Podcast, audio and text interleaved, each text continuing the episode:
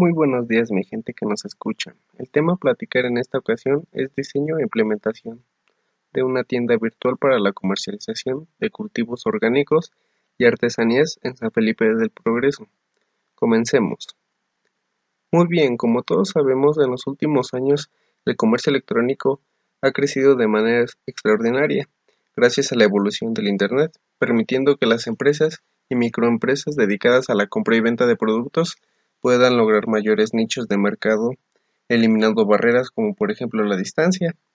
Bajo esta idea se han creado los portales web de comercio electrónico, el cual permite a una empresa pequeña o mediana, sin importar el tipo de negocio, realizar la publicidad y oferta de sus productos. Una definición concreta y estructurada de una tienda virtual es la plataforma de comercio convencional que se vale de un sitio web para realizar sus ventas y transacciones. Sin embargo, se pueden utilizar otros medios de pago como transferencias bancarias, cupones de pago, PayPal, etc. En la mayoría de los casos, la tienda virtual suele requerir que los usuarios se registren ingresando sus datos antes de poder realizar una compra, todo ello por motivos de seguridad.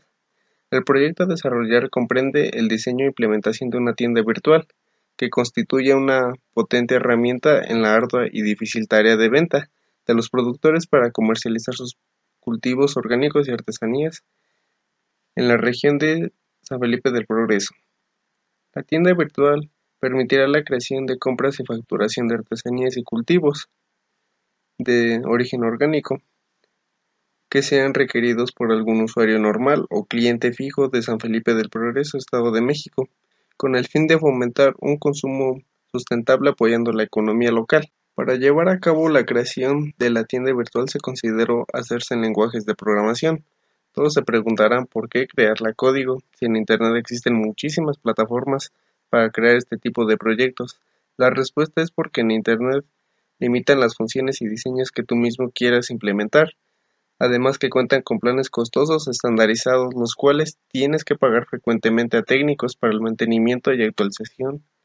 que el mismo Internet te lo pide, de lo contrario, si no hicieras estas actualizaciones, la tienda virtual sería botada por obsoleta y desactualizada. Todo esto nos lleva a la creación de la misma, desde una vista programador hasta vista de diseñador gráfico. ¿Qué se pretende con, qué se pretende con esta tienda? Lo que pretendemos es que los agricultores y artesanos puedan comercializar sus productos, no solo localmente, sino abrir más un mercado en la región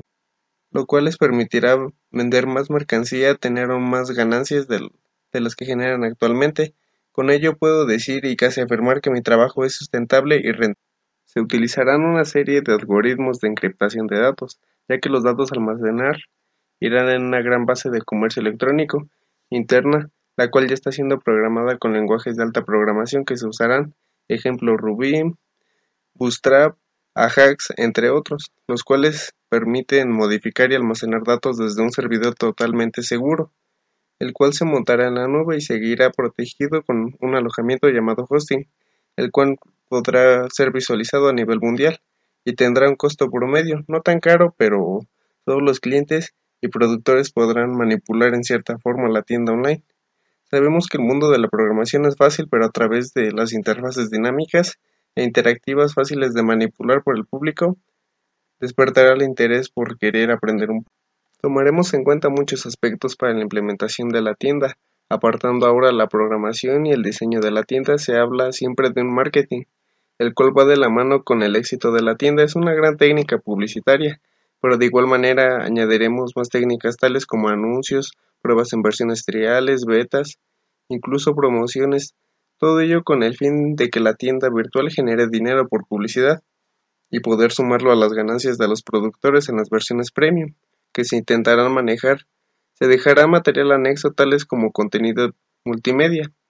acerca de la agricultura tradicional en el caso de los productores y en el caso de los artesanos, tal vez técnicas y tutoriales de cómo hacer unas bonitas piezas, las cuales ellos fabrican, entre muchos contenidos como artículos, reseñas, podcasts, entre otras cosas que se considerarán en caso de que la tienda virtual tenga el éxito esperado. Las necesidades de una generación moderna han ocasionado que la tecnología vaya evolucionando, permitiendo de esta manera que se logre un mejor desempeño a través de nuevas herramientas, las mismas que permiten la optimización de recursos humanos, además de materia prima y el factor tiempo, siendo esta la principal característica para el desarrollo de esta tienda virtual. Cabe señalar que mediante el uso de, estas tareas se lograrán una mayor eficacia y seguridad, evitando la redundancia de información. Por último, esta tienda virtual online conlleva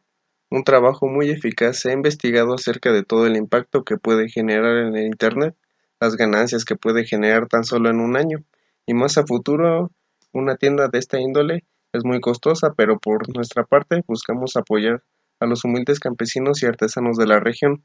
que día a día buscan de esa manera de solventar sus gastos y salir adelante, simplemente hacerlos crecer, no solo conformarnos con un nivel local y regional, sino también, ¿por qué no?, un nivel estatal, porque no falta mucho por trabajar enfoques,